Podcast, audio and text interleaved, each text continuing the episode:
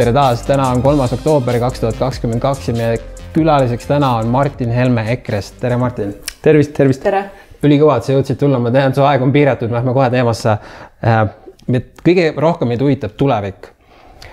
millist tulevikku sa näed reaalselt, mis on võimalik Eestis luua, eriti nüüd, kui tule, kui valimised on tulekul ja mitmetes piirkondades üle maailma, eriti Euroopas on parempoolsed tulnud võimule ja no Rootsi ja Itaalia tule, valimistulemused muidugi on selles mõttes julgustavad ja, ja ja annavad lootust, eriti Itaalia, Rootsi pilt on natuke keerulisem, aga äh, tuleviku kohta tuleb niimoodi öelda, et me elame praegu murrangu ajal.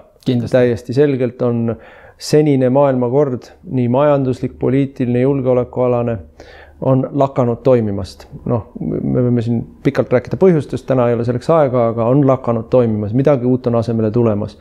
Ja, ja murrangu aegadel ma arvan, et äh, see, kuhu asi suunduma hakkab, siiski on ka meie kätes.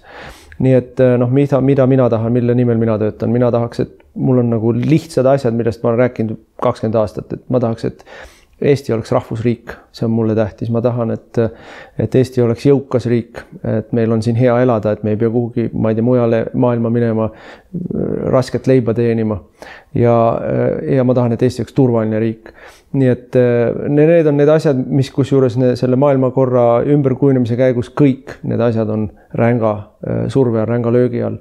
ja, ja meil on vaja mitte lihtsalt kõvasti pingutada ja vaeva näha, meil on vaja maru tark olla, ettenägelik olla, et kuidas, kuidas nendes väga keerulistes olukordades õigeid valikuid teha mm. -hmm. Si. siit ma kohe küsiksingi, et äh, kas äh, Eesti tulevikuvisioon võiks olla see, et me oleme neutraalsed nagu Šveits? no see on jälle üks neist asjadest, äh, mille, mille koha, mille, mis ongi need keerulised küsimused, et et noh, minu vaade asjale on selline, et tänane sõda Ukrainas ei ole Ukraina-Vene sõda, vaid on laiem sõda, kus on noh, erinevad geopoliitilised jõukeskused omavahel löögi all. Postimehes esines hiljuti äh, siis äh, Venemaalt Eestisse põgenenud, põgenenud dissident, kes ütleb välja selle, mida noh, me ju kõik mõnes mõttes niigi teame, et Ukrainas toimub Vene-NATO sõda. Et äh, NATO varustab relvade, laskemoona, luurega Äh, aitab äh, neid sõjaplaane teha. ja noh, sellel on ju noh, sellel tõdemusel on meile väga selge tagajärg. noh, ma ei, ma ei ole kindel, et Eesti ühiskond üldse saab aru sellest teemapüstitusest, et Eesti oleks sõjaliselt neutraalne. et meil on nii tõsine rahvuslik trauma sees neljakümnendatest, kus meil nii-öelda oli see, et me jäime üksi et, et selle, selle jutuga ma arvan, Eestis äh, sa lihtsalt ei, äh, ei, ei, ei jõua kellelegi kohale või noh, väga väiksele hulgale inimestele kohale. aga võib-olla on see vaja. aga, aga ma, ma täpsustan seda, küll aga me peaksime nagu kõik tegema tööd, kõik poliitikud, ma mõtlen, tegema tööd selle nimel, et see sõda ei jõuaks Eestisse, ehk siis, et me ei, et, et meid ei kistaks sellesse sõtta. aga äh, neutraalne, kas see just neutraalne olek ei tagaks seda, et me ei osale sõjas? no e, ajalugu on ütelnud, et ei taga et Eesti ajalooline kogemus ütleb selle, et see, kui me kuulutame ennast neutraalseks, ei, mis, mis sest kasu oli neljakümnendal aastal, eks ju. et äh, siin on need, noh, see, see on see, see koht, kus me peame nagu väga selgelt hindama, mis siis on need äh,, need positsioonid, millega me kõige paremini tagame selle, et meile sõda ei tule, kas see on neutraalsus või see on kellegiga liidus olemine. et noh, need on need valikud, et, et küsimus ei ole ju selles kas me oleme liidus või neutraalses, küsimus on selles, kuidas me ellu jääme mm. -hmm. ja aga kui me oleme Euroopa Liidus, siis see sõda tuleb meile, kui nad tahavad, et see sõda siin on, sest siin on suuremad jõud mängus ju. no just, kui mõelda ka seda, et Euroopa Liit ju äh, või tähendab, parlament sellel suvel arutles, et äh, mis oleks, kui muudaks üldse Euroopa Liidu baaslepinguid, mis tähendaks seda, et Euroopa Liit saaks teha seaduseid, mis igas riigis automaatselt jõustuksid. ja no Euroopa Liit liigub äh, ülipikkade sammudega ja pidevalt aluslepinguid rikkudes ja liikmesriikide suveräänsust rikkudes liitriigi suunas, et see on protsess, mis on pärast Brexitit äh, oluliselt kiirenenud, protsess, mis koroona äh, siis eriolukorra äh, varjus veelgi kiirenes ja protsess, mis nüüd Ukraina sõja taustal on veelgi kiirenenud, ehk siis võimu totaalne koondamine Brüsselisse, liikmesriikidelt võimu äravõtmine on, on, on igapäevane agenda Brüsselis ja täpselt nii on, et, et äh, nende jaoks meie oleme üks piiriprovints. Sakslased ja roots-, rootslased või, või belglased või ükskõik kes seal, seal lääne pool käsitleb meid kui puhverala, et kui peab venelastega sõdima, siis las sõda toimub Baltikumis või Poolas, eks ju, aga jumala eest, et mitte Saksamaal või, või, või Prantsusmaal. et noh, see on, nad väga küüniliselt näevad seda asja täpselt nii ja noh, mis mulle teeb ikkagi kõige suuremat meelehärmi, on see, et et meie võiksime sellest ju ometi aru saada, aga näe, Kaja Kallase Äh, mõistus seda ilmselt ei, välja ei, ei, ei, ei raali. et äh, tema teeb täpselt seda, mida Brüss-, mida, mida ta arvab, et Brüssel tahab, mille, mida ta arvab, et Brüsselile meeldib. ja kui see viib meid äh, selle sõja tallermaaks, siis ta ei saa isegi aru, et ta on midagi valesti teinud aga kas kuskil on mingi piir, kus EKRE ei lähe edasi, ma pean just silmas seda, et kui Euroopa Liit äh, kehtestab midagi uut, tobedat, äh, mis iganes see on, või võtab veel rohkem võimu ära, kas ühel hetkel EKRE ütleb, nüüd aitab, et me astume välja sellest? see, on nüüd ilmselt seotud ka sellega, et kui te juba oleksite valitsuses uuesti. ega äh, see piir, ma arvan, ammu ületatud, et mõtleme selle peale, immigratsioonikriis. Brüssel ütles, et need on kõik pagulased, need tuleb kõik vastu võtta, piiritarasid ehitada ei tohi, olid riigid, mis ehitasid ja said Brüsselit selle eest sõimata, said trahve ja mida kõike veel, võeti, võeti neil rahasid kinni, aga tegid ikkagi. ja, ja olid riigid, mis ütlesid, et oi, Brüssel ei luba, nüüd me oleme rohepöördega täpselt samas kohas miks meil on äh, Narva jaamades kolm täiesti töökorras plokki seisavad, sellepärast et Brüsselist tuli keskkonnadirektiiv, mis ütles, et töötunnid on ammendunud, kuigi need plokid töötasid, olid täiesti korralikud. töötunnid on ammendunud ja pandigi seisma. selle noh, neid ei saa nüüd nupust käima panna, aga ütleme mõnenädalase või mõnekuulise sellise hoolduse järel on neid võimalik uuesti käima panna. viissada megavatti elektrit Eestisse juurde luua, tuua.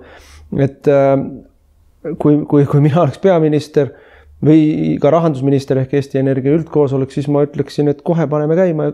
ei, absoluutselt ei huvita, mida see direktiiv ütleb, et meil on seda elektrit vaja et see piir on ammu ületatud, et igasugustes küsimustes Brüssel kirjutab meile igasuguseid asju ette, ilma et neil oleks tegelikult selleks aluslepingute õigust, ilma et seda oleks tegelikult lepitud kokku riigijuhtide tasandil. ja meie omad muudkui koogutavad, et, et me näeme, et Euroopas on riike, kus ei koogutata mm. -hmm. aga kuidas siis ikkagi see ära teha, kas see lahendus on, et astud välja Euroopa Liidust või kuidas sa seda näed? no ma näen seda eh, niipidi, et minu meelest on Euroopa Liit, nii nagu me just rääkisime, eks ole, murranguline aeg on on, äh, nüüd on selline hetk, kus äh, juhtub üks kahest lähiajal, võib-olla lähiaastatel, aga võib-olla juba lähikuudel. et kas meile tuleb Euroopa Liidu autokraatne unitaarriik, kus me oleme üks provints ja kanna alla surutud, seda ehitatakse praegu.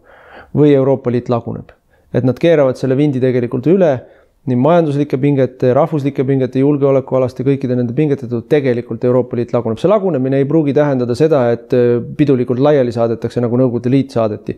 see võib lihtsalt tähendada seda, et tegelikult kõik liikmesriigid noh, hakkavad ajama uuesti iseseisvat poliitikat kõikides valdkondades.